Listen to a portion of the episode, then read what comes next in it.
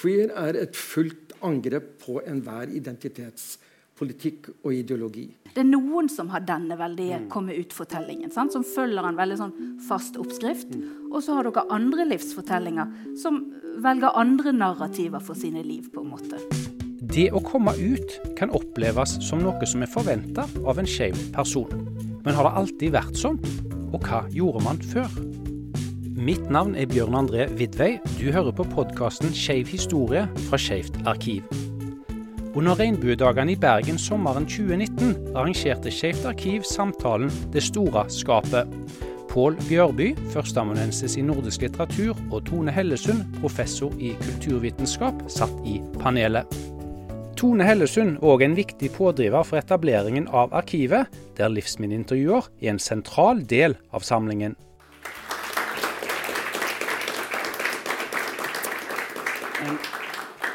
Og Jeg har lyst til å begynne med deg, eh, Tone. fordi at eh, du var jo den som aller først begynte med å samle inn disse livsminnene. Du var den som gjennomførte de aller første eh, intervjuene. Og Kanskje du bare forteller litt om hva var bakgrunnen for at dette arbeidet ble dratt i gang? Og hva var det du så for deg at, eh, det, hvorfor dette var viktig? Jo, fordi at når vi begynte å arbeide med å skulle etablere et skeivt arkiv, sant, som, um, som, vi tenkte var viktig fordi at uh, de nasjonale arkivene, som Riksarkivene og statsarkivene, eller museene eller Nasjonalbiblioteket eller, hadde ikke gjort noen ting spesifikt på skeiv historie. Uh, og dette her, Det er jo ikke så fryktelig lenge siden vi begynte å jobbe med Skeivt arkiv. Det er bare tilbake igjen i 2012. Eh, men sant, hele tiden så er det jo den følelsen av at uh, den skeive historien forsvinner liksom dag for dag. Mm. altså, mange av de som uh, startet opp homobevegelsen, f.eks., rundt 1950, uh, de er dessverre allerede døde. Det lever noen få igjen fra den generasjonen. Men neste generasjon, som var en sånn stor bølge på 1970-tallet, Um, som Pål kanskje representerer litt. Grann, uh, på slutten av 70-tallet osv. Mange av de uh, begynner nå å bli uh, opp i 70-årene, flytter i seniorboliger, kaster mm. alt de hadde på loftet, kaster alt de hadde i kjelleren. Sånn at det liksom å få tak i disse, både det skriftlige materialet, men også da det muntlige materialet. Fordi at dessverre så er det jo nesten ikke gjort noe forskning på norsk homohistorie. Mm. Og det er ikke skrevet på en måte en bok om eh, den norske homobevegelsen f.eks. Mm. Sånn at veldig mye det, det, finnes rett og slett ikke skriftlig. Mm. Sånn at hvis ikke, vi får hvis ikke vi fikk intervjuet folk her og nå, så ville veldig mye av den kunnskapen rett og slett uh, forsvinne. Så det var liksom en sånn tanke at ok, hvis vi skal ha et skjevt arkiv der vi skal prøve å samle inn mest mulig skriftlig materiale som finnes i privat eie, så er det også viktig å få samlet inn de muntlige historiene. Mm. For hvis ikke vi får tak i disse muntlige historiene nå, så vil vi aldri mer få vite. Sant? Hva var Flammefronten, f.eks.? Mm. Jo, Flammefronten det var den lesbiske bilmekkergruppa på Kvinnehuset i Oslo. Eh, om noen år så er den kunnskapen borte for alltid. Men, men, hva, er det, hva er det man òg får i tillegg, tenker du, når man uh, får disse muntlige innsamlingene? Altså Annet enn at du bare da som forsker hadde satt oss og skrevet ned dette som ble, Hva er det som kommer i tillegg? Jeg tenker, nå eh, fortalte jo ikke Bjørn André at det er jo han som har utført de aller fleste av disse intervjuene som dere da ser på, på nettsiden til skjevtarkiv.no. Og som dere vil se der, så tenker jo jeg at altså det å få se folk fortelle om livene sine eh, på, gjennom videointervjuer gir jo på en måte en helt annen nærhet til historiene. Mm. Og så er det klart at I forhold til skriftlig materiale en god del av det materialet vi får inn til arkivet, er jo f.eks. organisasjonsmateriale, mm. som er superviktig. Men eh, for å kunne si noe om den skeive historien i Norge, skeive liv i Norge, eh, hvordan samfunnet har håndtert skeivhet i Norge gjennom historien, så er det klart at organisasjonsarkiver sier bare en bitte liten bit. Mm. Sånn at det å få alle disse 170 livsfortellingene med utrolig forskjellige eh, liv, utrolig mm. forskjellige forståelser av homoseksualitet, av hvordan livene skal leves, folk i veldig ulike sosiale lag, folk i Finnmark, folk på Lindesnes, kvinner, menn, transpersoner altså Det å få det mangfoldet av ulike typer liv, mm. Og ikke bare aktivister. For det er klart at mange av de skriftlige arkivene vi får inn til arkivet, er jo aktivistarkiver. Folk som har vært spesielt aktive i homobevegelsen. Og homobevegelsen er selvfølgelig superviktig, men skeive liv og det skeive Norge er selvfølgelig mye mye bredere enn det. Som noen av disse livshistorieintervjuene også kan være med å illustrere. Mm, mm. tenker jeg. Men tenker du også at, eh, eh, for Vi har jo en man kaller en offisiell norgeshistorie. Historien som man kjenner det. og de, Disse elementene har jo ikke vært tatt med. Så, så, hvordan vil det bli i framtiden, tenker du, når man da har dette ord som et kildemateriale? Vil det påvirke historiefortellingen? Ja, absolutt. Og det er jo på en måte det litt sånn paradoksale. At, mm. at, det har skjedd så enormt store samfunnsendringer i forhold til holdninger til homoseksualitet i løpet av veldig få tiår. Uh, sånn at bare til for ganske kort tid siden så var det jo helt uaktuelt at et universitetsbibliotek skulle etablere et skeivt arkiv. Altså, den skeive historien har vært en skammelig historie mm. som Riksarkivet eller Universitetsbiblioteket eller Nasjonalgalleriet ikke har tenkt at var noe som heller burde skjules, skjules og neddysses, mm. enn noe som burde løftes fram. Mm. Og så plutselig så har vi kommet på veldig kort tid så har vi kommet et sted der veldig mange ser verdien i dette. De syns det er kjempespennende med skeiv historie. Og de begynner å tenke på hvordan var det i min bygd og hvordan var det i min mm. barndom osv. Så, videre. så nå er på en måte tiden moden til at folk er superinteressert i det. Mm. Men vi har ikke materiale, og vi har ikke forskning. Men heldigvis nå da, så har vi en del materiale fordi at Skeivt arkiv er etablert. Og har også da på en måte eh, skapt oppmerksomhet rundt denne historien og viser nettopp sånn som du sier at her har vi jo et kjempestort hull i den norske kulturhistorien. Dette har jo vært en superviktig del av, av uh, hele samfunnet. Mm. Altså, grenser i forhold til kjønn og seksualitet er noe som alle har forholdt seg til. Mm. Men vi har samlet veldig lite kunnskap om det. Mm. Eh, eh Pål, eh, du eh, har jo òg eh, vært med å få si, denne forskningen inn på timeplanen, altså på universitetet. gjerne primært innenfor litteratur, som jo har vært ditt felt. Men var det veldig velkomment? Altså Var det en åpning for det at ja, endelig nå skjer det? Eller var det litt, uh, møtte du jo lukka dører? Nei, jeg tror uh, Man skal ikke overdrive denne velkomsten. Uh, velkomsten er dempet. Og, men jeg mener for oss var det veldig viktig at feminismen kom før.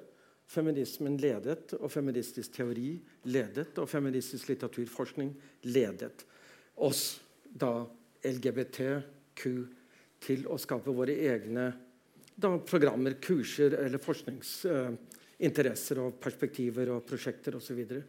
Um, jeg har over 30 år med fartstid ved universiteter i USA, så jeg opplevde vel en annen åpenhet overfor dette der enn jeg har møtt her. Her har det vært ganske begredelig på mange måter innenfor litteratur. Du får lov til å gjøre det du vil, men det kommer aldri dit hen at de andre tar det til etterretning og ser dette som en slags utfordring til hvordan de selv jobber. Denne, så Heteroseksualiseringen av litteraturforskningen den er sterk. Og eh, marginaliseringen av eventuelt feministisk, lesbisk, homse, queer osv. Det får du lov til å jobbe med, men det er partikulært. Mm. Det er politisk, ideologisk, det er ditt. Du må komme med i det brede. Og så, videre. så det er både og. Mm. Men naturligvis så har homoforskningen innenfor litteratur og kunst og historie i Norden skapt uh, flotte verk og gode prosjekter osv. Men jeg tror ikke man skal overdrive dette med at det blir inkludert. Nei. Det er ofte det at du blir isolert. Men tenk på dette her med eh, queer theory, som jo har på en måte blitt eh, og, introdusert. Eh, kan du si helt kort hva det er for noe, og litt om hvordan det har på en måte blitt tatt imot? Dette med queer, queer teori er både et moteord, og det er blitt et in-ord, og det er blitt en slags uh, merkelapp da, for å vise at du er avantgardistisk når det gjelder litteraturforskning. Mm. Det viktige med queer er at du behøver ikke være homo eller hetero. for Du kan være hva som helst mm. for å bedrive queer. Queer er et fullt angrep på enhver identitetspolitikk og ideologi. Og queer har vel funnet seg til rette i litteratur, for litteratur er nettopp stedet hvor utforskningen av identiteter skjer.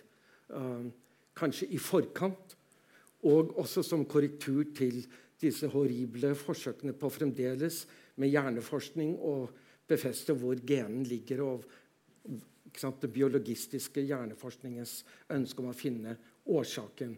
Litteraturen gjør noe helt annet, og litteraturen åpner for et lekerom med identitet og er ofte antinormativ. Ofte også antihomonormativ, som den er antiheteronormativ. Så queer er en slags fleksibilitet i hvordan du forholder deg til normer, tradisjoner, um, formelle, tekniske grep ved litteraturforskning, mm. men også i historiene som litteraturen da mm. tar for seg. Um, queer er et ord som ikke lar seg fange. Queer er alltid et ord som skal være i forkant, at du klarer å fange det. Er du enig i dette, Tone? Har du samme tanker rundt uh... Ja, absolutt. Og ja. Jeg, jeg, tror jeg sjøl har tatt et av Pål sine kurs uh, for lenge siden. sånn at ja, uh, absolutt, jeg er helt enig i det. jeg kan jo kanskje kommentere kort dette med Skeivt arkiv. da, mm. For det diskuterte vi selvfølgelig mye fram og tilbake når vi skulle gi navn til dette arkivet. Ja, Hva i all verden skal dette arkivet hete? Og så valgte vi da Skeiv som er en slags avart av queer, og som selvfølgelig henspeiler på det med queer. Men det som uh, er dilemmaet til et historisk arkiv som Skeivt arkiv, er jo det at disse her LHBT-bokstavene, f.eks. Mm. Altså, de er veldig historisk situerte. Mm. De er begreper fra en veldig kort historisk periode, mens Skeivt arkiv har en ambisjon om å fange historier om skeivhet og skeive liv fra en mye bredere historie, der den type begreper eller den type kategoriseringer og den type forståelser av hva sammekjønnsbegjær betyr, var noe helt annet. Så det er helt umulig på en måte å plassere inn i dagens kategorier. Mm. Uh, så Derfor så valgte vi da skeiv som en sånn slags både en, en liksom, uh, anerkjennelse av queer theory, men også på en måte som et praktisk og pragmatisk begrep for å kunne fange det enorme mangfoldet i forståelser, identiteter, praksiser osv. som vi finner opp gjennom historien. Mm. Problemet for meg med, med dette ordet 'skeiv' på norsk er at det er på en måte, det antyder en viss form for fysikalsk bevegelse. Og for meg som er Jeg har tysk magistergrad fra Tyskland og eh, medieval studies av tysk middelalder språkhistorie. Queer betyr dette med rett i fleisen på det. Det er rett ovenfor det. Og det står der og ser deg rett i ansiktet. Og da er det ikke dette på skrå. For hvis det er på skrå, hva er da rett? Ikke sant? Så jeg, jeg sier ikke at det, det, er ikke også den forståelsen av ordet, men det er også en enda eldre forståelse av det ordet som, som kanskje hadde vært like så greit for oss å bruke dette med rett i, rett i fleisen på det. Mm. Rett i Fleisen-arkivet. Men, men, men, du, vi skal, vi skal eh, men, det er jo godt det, det, det er jo, kan, kan, jeg bare få oppsummere ja, dette med ja. Når, det gjelder, når det gjelder den norske, den norske, gleden over seieren med dette med ekteskap osv., så, videre, mm. så er nettopp queer den politiske, teoretiske holdningen at dette er et, et feilsteg. Dette er et feilskritt man har begått innenfor den homofile bevegelsene eller grupperinger og fraksjoner. At man har sett dette med ekteskapsrettighetene som det viktigste målet. Og som fokus for kamp på det hele.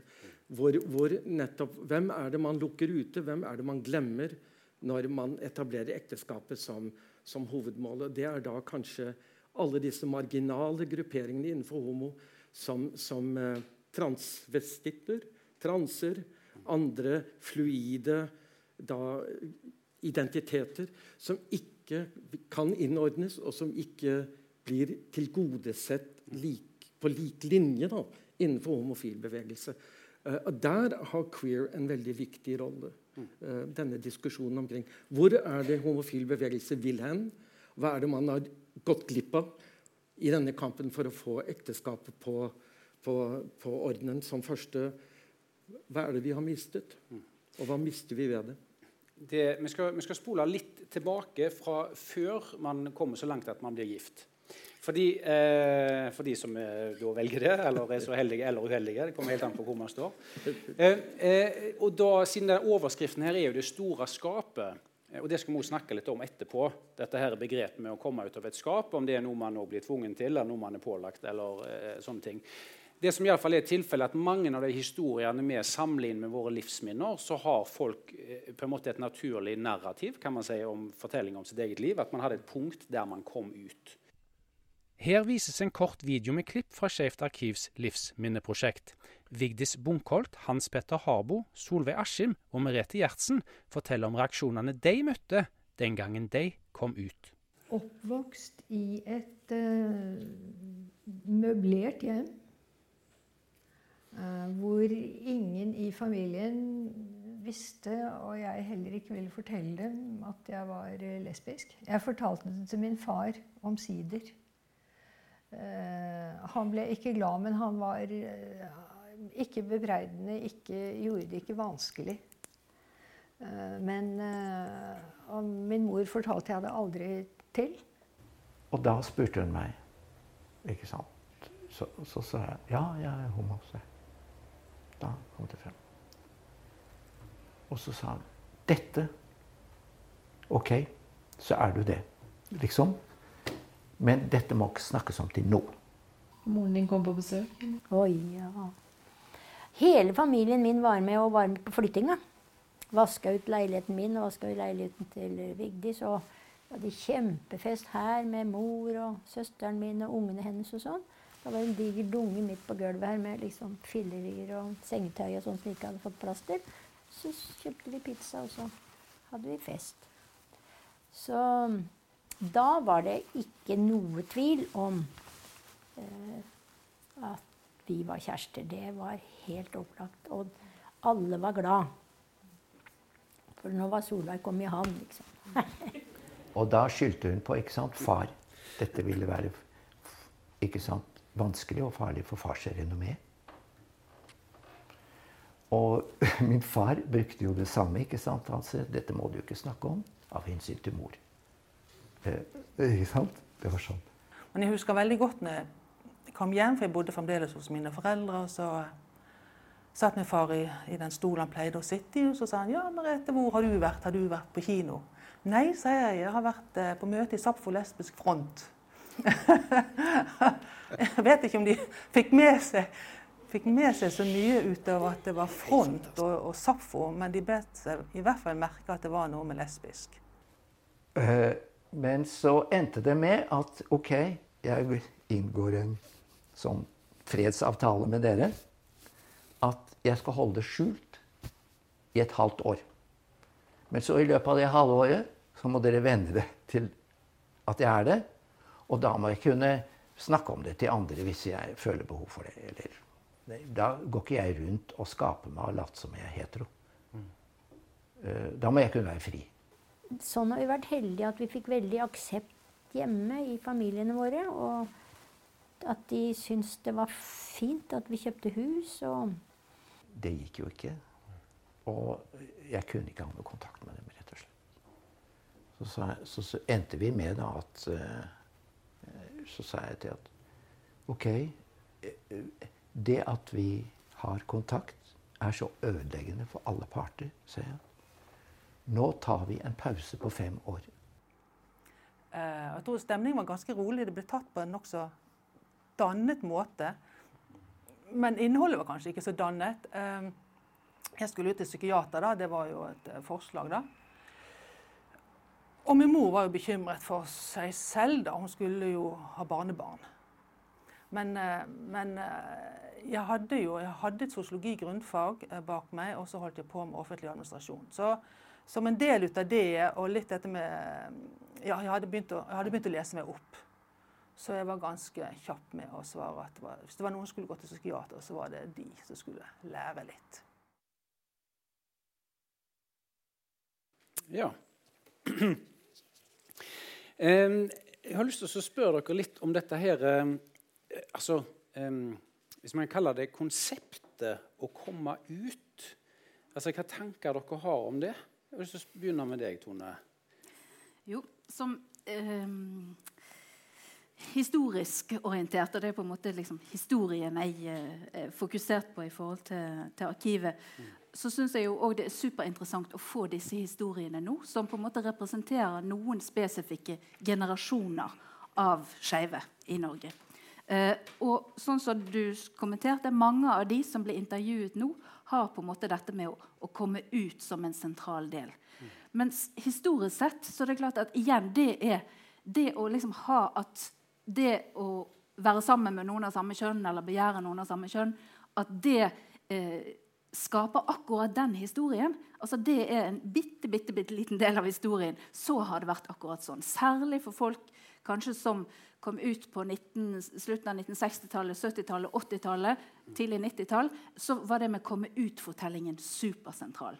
Uh, så Sosiologen Kenneth Plummer han analyserer på en måte disse historiene fra disse tiårene her, der det komme ut-fortellingen var den store homofortellingen. Mm. Hvis vi går lenger bakover i tid, så finner ikke vi den type fortellinger. Da er det helt andre ting som man er opptatt av. Altså, det, det, er på en måte helt andre logikker. Men dette her er en superviktig logikk akkurat for disse generasjonene her. Mm. Som jeg sjøl også er en del av. Men den er da veldig sånn spesifikt tidsfesta? Ja, den er ja. spesifikt tidsfestet. Og det, det, mm. betyr ikke at man ikke kan finne spor av den tidligere. Mm. Eller, men det er jo også superinteressant med alle disse historiene da, som vi samler inn nå. Altså, Hva om 50 år? Så skal folk sitte og se på disse historiene. Mm. Kanskje det er helt på en måte andre ting man er opptatt av. Og så ser de liksom Oi, i 2019 mm. var det dette de var opptatt av da? Mm. Fordi at det er klart disse tingene forandrer seg hele tiden. Og da har man jo historisk sett òg, spesielt når det gjelder kvinner, det som man da kalte for peppermøer som hadde såkalt romantiske vennskap. Og, var, og da var det iallfall ikke snakk om noe, altså noe, pålegg om å komme ut. For det ble heller ikke sett på i den mm. konteksten.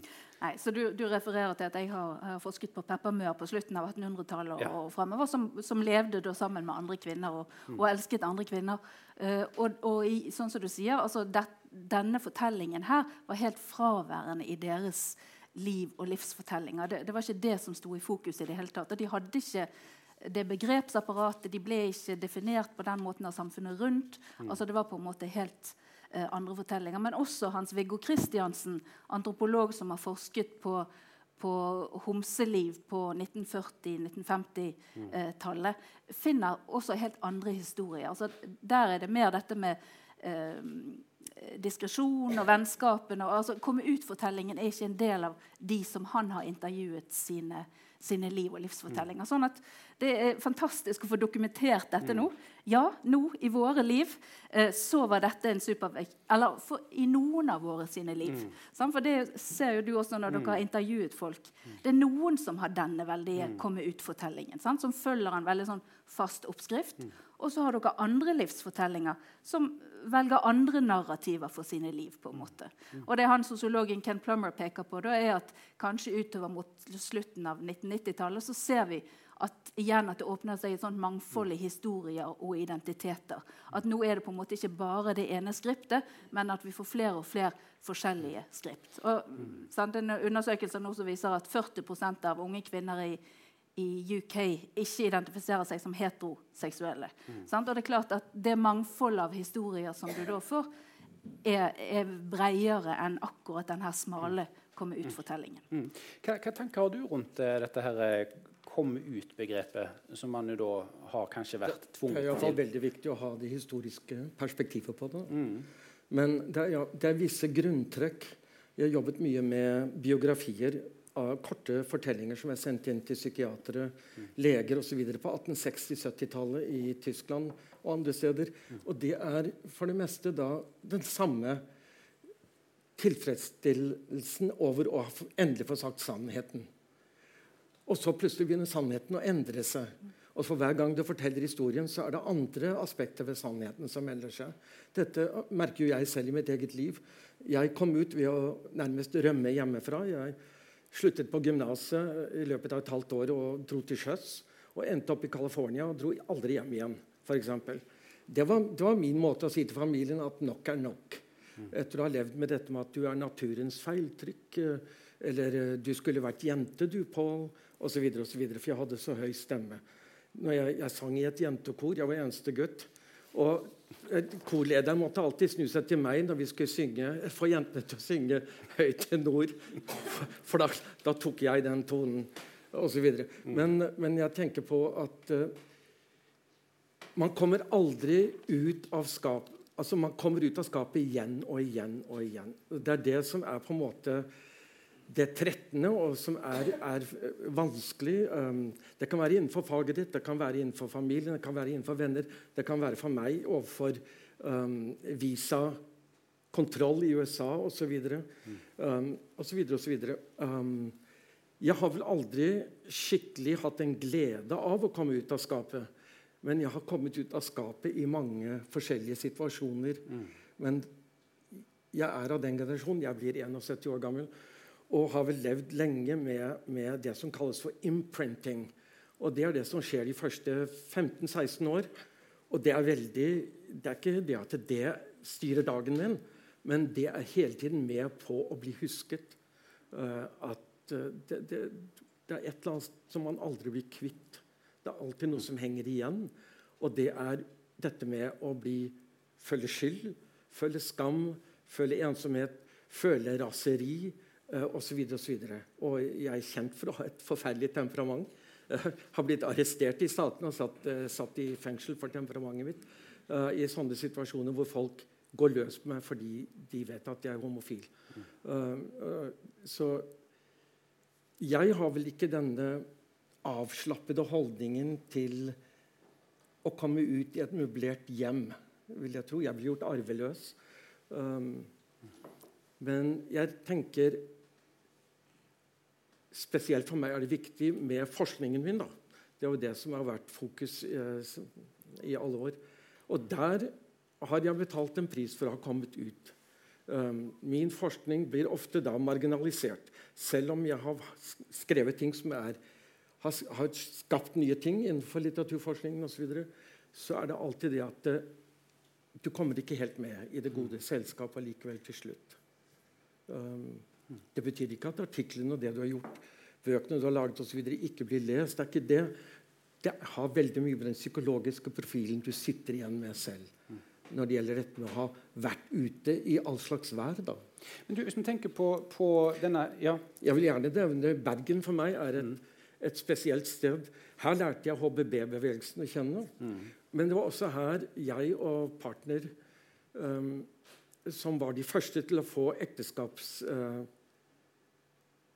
på Fantoft i 1982. Og det var en kveld da vi hadde gått og lagt oss, så ble det banket på døren. Og jeg gikk ut og lukket opp og ble revet ut av leiligheten og slått mot betongveggen på gangen til jeg datt. Og Reidar løpte ut for å hente hjelp og ble slått hodet mot heisedøren, hvor han datt.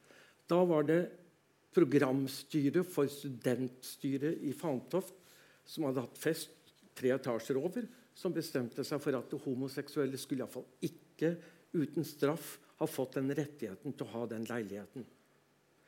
Og jeg, uh, jeg ble bandasjert og osv. Og, og dro til politiet dagen etter og meldte saken. Dro ned på universitetet, for jeg kjente jo disse guttene. Og gikk bort til hver en av dem i kantinen og sa 'Jeg vet hva du har gjort'. Og jeg har meldt deg til politiet. Saken ble henlagt. Studentunionen på Universitetet i Bergen, altså de som leier ut leiligheter osv., henla saken.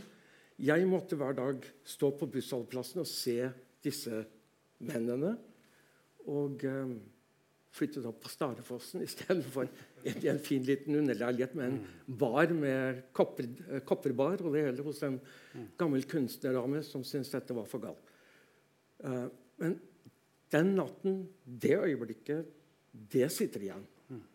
Og, og, de, og, dette var jo òg dessverre en del av på en måte, den virkeligheten som mange måtte leve i, i, på, de, i på den tiden.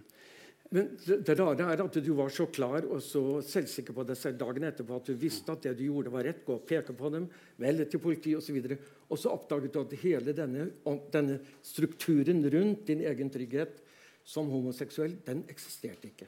Nei. nei. Og det er, jo, eh, det er, jo, flere eksempler på at selv om man har gått litt fram i tid, så har ikke nødvendigvis gjerne tankegods blitt like moderne. Altså, religion eh, har jo i visse miljøer prega en del av historien til folk. Vi har jo intervjua en som heter Arnfinn Nordbø. Eh, og han, han eh, ble satt på kartet virkelig i Norge i 2009 da han ga ut ei bok som heter eh, 'Bedre død enn homofil å være kristen og homo'. Han fikk enormt mye oppmerksomhet eh, for ti år siden når den kom. Han var den første som på en måte tok et oppgjør med dette her bedehusmiljøet, eh, som hadde vokst opp med de sjøl. Han forteller litt i intervjuet her om, om reaksjonene hjemme når han kom for å fortelle litt om hvem han var. Første gang vi kom hjem, så det er nesten litt sånn Jeg vet ikke om vi skal le eller grine, men første gang vi kom hjem vi fikk, til slutt, Først så fikk vi egentlig lov å komme hjem. De ville ikke møte min samboer. Eller kjæreste, da. Men etter mye om og men og sånn, så fikk jeg jeg når vi i Stavanger, kan vi komme hjem på middag. Så fikk vi til slutt lov å komme hjem til middag. Men da leste far et bibelvers måtte andakt først. Og da leste han om, om Jesus som åt med syndere. Eh, det står det er en historie i Nytestamentet mm. om det. Og så sier han etterpå, har litt sånn ord rundt det han har lest, at uh, siden Jesus kunne ete med syndere, så kan òg dere få være her med middag i dag hos oss. Men vi vil understreke at vi står fast på det Altså, han måtte, han måtte mm. understreke at dette var syndig og galt. Men siden Jesus spiste med syndere, så hadde han òg bestemt seg for at han kunne òg spise med oss. Um, så det var veldig surrealistisk. Men uansett, for å gjøre en lang historie kort, så etter den gangen så syns jeg likevel det var så vanskelig og vondt å ha oss hjemme at de uh, ba meg, hvis jeg var glad i de og respekterte de, at jeg fra nå av kom hjem alene. Jeg kunne komme hjem, men kun alene. Så da var det en lang periode der jeg da ikke var velkommen hjem i lag med han. Og hos andre i familien, andre deler av familien, så var ikke jeg velkommen alene engang. Ikke jeg engang. Ungene, det var unger som ikke skulle møte meg. Det var veldig viktig. Fordi jeg sikkert kunne smitte de eller påvirke de eller et eller annet. Mm. Jeg må si at jeg er så takknemlig i dag.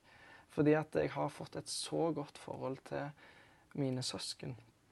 Jeg har et veldig nært forhold til noen av søsknene mine, og et ganske nært til noen andre. Uh, og det er så kjekt, og jeg er så takknemlig for å få kjenne på det. Um, og, og, mor og far òg uh, eh, har liksom blitt mye sånn mildere uh, i den forstand at vi har ikke noe behov for å påvirke hverandre så mye lenger. Vi, vi lar hverandre være i fred. Ja. La hverandre være i fred. jeg tenker på dette her med Han er jo vokst opp på det som vi kan Eh, kalle bygda. da. Eh, eh, og dette her med å vokse opp og leve i en, en større plass versus en mindre, hva vet vi om det? Altså, hvordan, hvordan har det vært for folk? Jeg tror ikke vi kan si noe sånn Jeg, jeg kan, tror ikke vi kan gi noe fasit på det. Og Når vi ser bakover historien osv., mm. mange av de historiene som dukker opp nå i arkiver og museer rundt omkring i mm. landet, er jo nettopp historier fra Bygde-Norge. Fordi at de aller fleste mennesker i Norge har bodd på bygdene helt fram til etter andre verdenskrig. Mm. Uh, sånn at um, Jeg tror ikke man kan si noe sånn helt uh, generelt om verken det med, med by-bygd eller det med religion, ikke religion. Uh, altså, dette, disse holdningene som han forteller om fra bedehusmiljøet i Rogaland, er selvfølgelig uh, kommer selvfølgelig veldig sterkt til uttrykk der. Men de holdningene som som de kristne miljøene har speilet, eller de religiøse miljøene har speilet, er jo holdninger som, er, som har vært utbredt i hele samfunnet. Mm. Eh, sånn at det er bare kanskje at de sier det tydeligere enn andre. Så uh, skeive liv har blitt levd på bygda, og det har blitt levd i byer.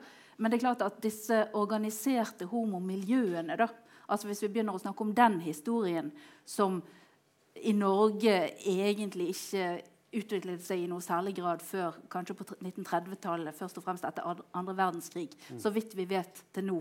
Eh, Men det er klart at den organiserte homobevegelsen det er jo først og fremst et byfenomen. Sant? Det var selvfølgelig i Oslo at DNF 48 ble startet i 1950 osv. Mm. Mm. mm. Ja.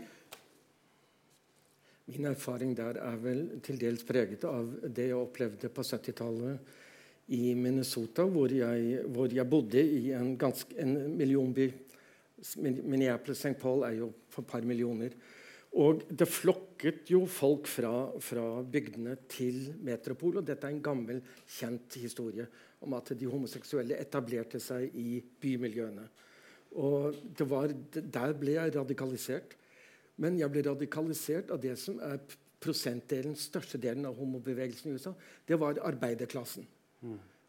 og i arbeidet altså, Um, det er en interessant del av den norske homoseksuelle historien som ennå ikke er blitt prioritert. Og um, det, det, er ofte der i staten i dag det er der det lides mest. Da. Det er de som oftest er hjemløse, som ikke har uh, arbeid, som ikke har helse osv. Forsikring osv. Um, men i Minneapolis på 70-tallet så var det spesielt de lesbiske som uh, spearheadet, som, som, var med på å forme mm. og skape, men som da raskt oppdaget det at de på en måte følte seg ekskludert. For ofte var de lesbiske ikke de utdannede. Hadde ikke de store stillingene, de, og så de kom ikke fra borgerskap osv. Så, og så, videre. så de delte seg fort i små andre grupperinger. Og homofil bevegelse i Minneapolis ble tatt over av en Gay Liberation Front, som var en middelklassebevegelse. Mm. Men for meg var, var opplevelsen av denne tilstrømningen av arbeiderklasse eller bonde, bondeungdom da, til Minneapolis uh, med behovet for å, å mm. frigjøre seg der. Det kunne de ikke gjøre hjemme, men de gjorde det i byene. Men de reiste aldri tilbake. Nei. De ble i byene. Men hva, men hva, opplevde du når, du kom, kom, til Bergen, da? På, altså, da, da, opplevde jeg mye av det samme. At, mm. at kvinnene var med om å skape et sterkt politisk perspektiv i HBB. Mm. Uh, Som er homofil bevegelse i Bergen? I homofil bevegelse i Bergen. Og um, det var jo også viktig, for det var jo den såkalte venstreorienterte bevegelsen. Uh, og for meg var samarbeidet her i Bergen mellom uh, homofile menn og kvinner var, var det samme som jeg hadde opplevd i Minneapolis, men det var på en mye mindre skala. Det var mye mer hjemmelaget osv. Eller hva, om det kan sies. Homemade borte i frimerket her i Bergen den gangen. Men samholdet var storartet. Men det var på alle måter der hvor homofile mennesker trengte det. Det var følelsesmessig, det var trygghet. Det var å være med de som ikke utfordret deg, å bli akseptert. Det var et lite rom. Vi laget smørbrød sammen, og vi hadde kanskje foredrag, og så hadde vi dans sammen. Og så hadde vi kostymepartys osv. Men det var en stor, flott familie uten ekteskap. Hvor, hvor disse interrelasjonelle forholdene gikk på kryss og tvers. Mm. Og det for meg var helt spesielt med Bergen den gangen. Ja. Så Det som Pål forteller om her, er jo en kjempeviktig del av, eh, av homohistorien i Norge, rett og slett, som heller ikke er skrevet uh, ennå. Og, og, det er noen vidunderlig vakre bilder av Pål på kostymeball i HVB fra 70-tallet. på Skeivt arkiv. Ja. De er sikkert, er sikkert klausulert, så det går helt bra. kan jeg få ha tid til én? For det det er en eh, sånn klassisk artikkel av, av den amerikanske homohistorikeren eh, John DeMilio som heter 'Capitalism and Gay Identity'. Og Den toucher litt på det som vi nå er inne på, med dette urbane versus, versus det rurale osv.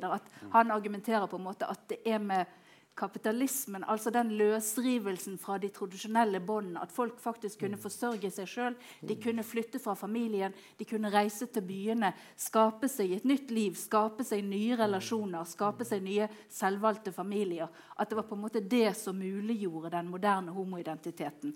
Dette at vi fikk på en måte mobiliteten og løsrivelsen som, som den nye økonomien tilrettela for det. Eh, vi skal se en, en, liten video til. Det er ei eh, dame som heter Ingebjørg Jensen. og Hun um, har jo fortalt sin historie. Men um, det var på slutten av intervjuet her, så, så hadde du litt tanker om, om ja, altså, hva med de unge i dag? Altså, Hva vil de på en måte synes er viktig, og hva vil de på en måte fortelle når de en gang blir spurt? Men kan du se på den. Nå er det jo mer tilsynelatende åpenhet. Men jeg vet ikke hvordan det er å være 20 år mm. i dag. Jeg vil ikke si at det er lettere for dem, for det vet jeg ingenting om. Eh, er det lettere å gå rundt med en masse sånne følelser og forelskelse i noen av samme kjønn, og så tenker de andre at, du kan være det? Er det lettere enn at folk ikke tenker i de banene i det hele tatt? Sånn som så når vi eh, var unge. Så det var ingen som tenkte sånn. I hvert fall hørte jeg aldri noe sånt. Og da, Det var jo en viss beskyttelse i det også.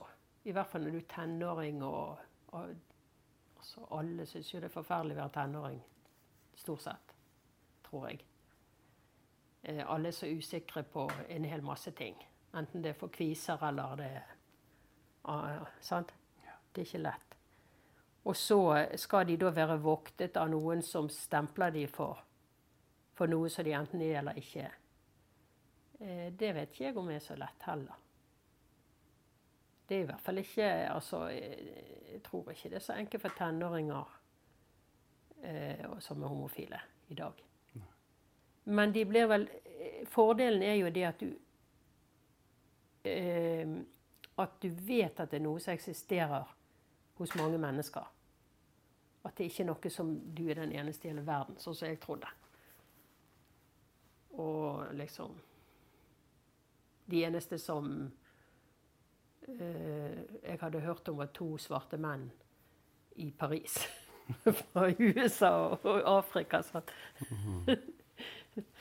ja, jeg, jeg, kan jo spørre dere, da. Um, det eneste du kjente til, var to, to svarte menn? I Paris. Det var en som hadde hørt Oi, det var en som hadde Ja, hørt. det er en som hadde hørt om før hun møtte noen andre. Ja, En fra Afrika, en fra Amerika. ja. Men jeg, jeg bare spør dere avslutningsvis eh, um, Dette er jo litt sånn, sånn eh, litt, eh, litt tenkt måte, hva dere måtte tenke rundt det. Altså, det ikke noe fasit. Men altså, de, de som er unge i dag, hva historie er det som kommer til å bli fortalt av de når de blir eh, gamle nok til å være med på et sånt prosjekt? Tror du? Jeg tror uh, at den, dette som Pål var inne på i sted, dette her med homoseksualiteten som sannheten om selve, Mm. sant? At det er på en måte den dypeste sannhet om eh, identiteten, som har vært på en måte rådende helt fra slutten av 1800-tallet, eh, at den er i ferd med å bli um, um, få, an, få alternative fortellinger også. Og jeg tror at veldig mange unge har mer flytende identiteter, mer forhandlingsbare identiteter, ikke så faste identiteter, som en god del av de intervjuene og de generasjonene som, som vi hører til. Eh, det er også det han her, eh, Ken Plummer, antyder. Eh, og jeg synes vi ser mange studier som på en måte antyder det. Og det betyr ikke at disse historiene forsvinner nødvendigvis, men at det kanskje kommer eh, flere alternative historier. Da, at man har mer å velge mellom. og Det tenker jeg er en kjempefordel. Og det tenker jeg også noe av det som er så flott med Skeivt arkiv, at det viser på en måte noe av det mangfoldet av historier som går an å fortelle. Uh, ja. Så mer mangfold håper jeg på. Mm, ja. Eh, Pål, har du noen eh, tanker rundt det? Vi har vel aldri hørt om disse nye seksuelle forholdene som unge mennesker har, enten det er homofile eller heterofile.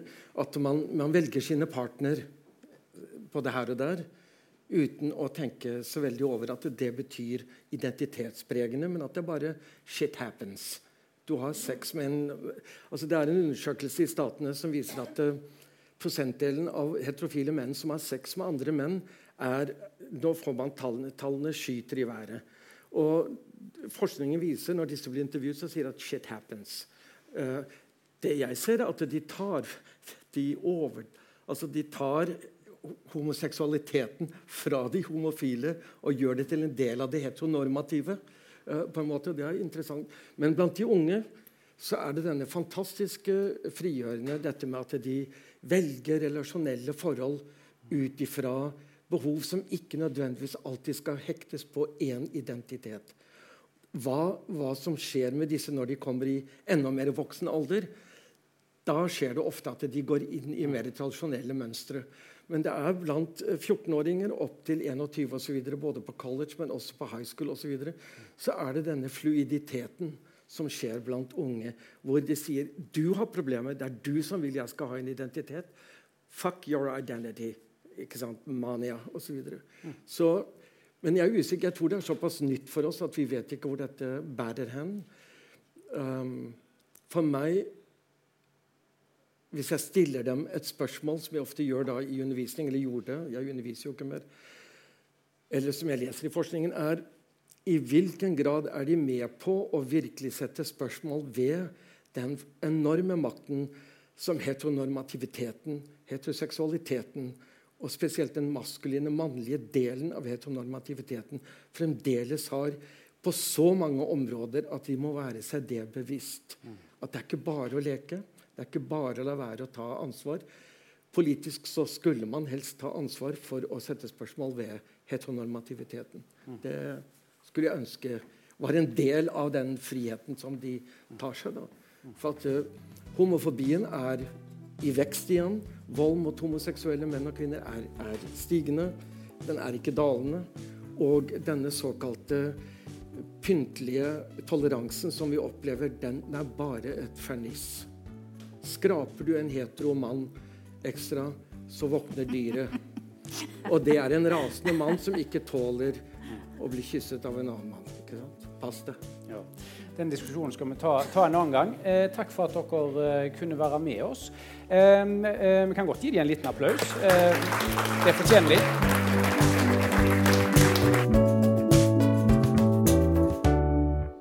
Du har hørt på podkasten Skeiv historie fra Skeivt arkiv ved Universitetet i Bergen. Husk å abonnere for å få med deg alle episodene.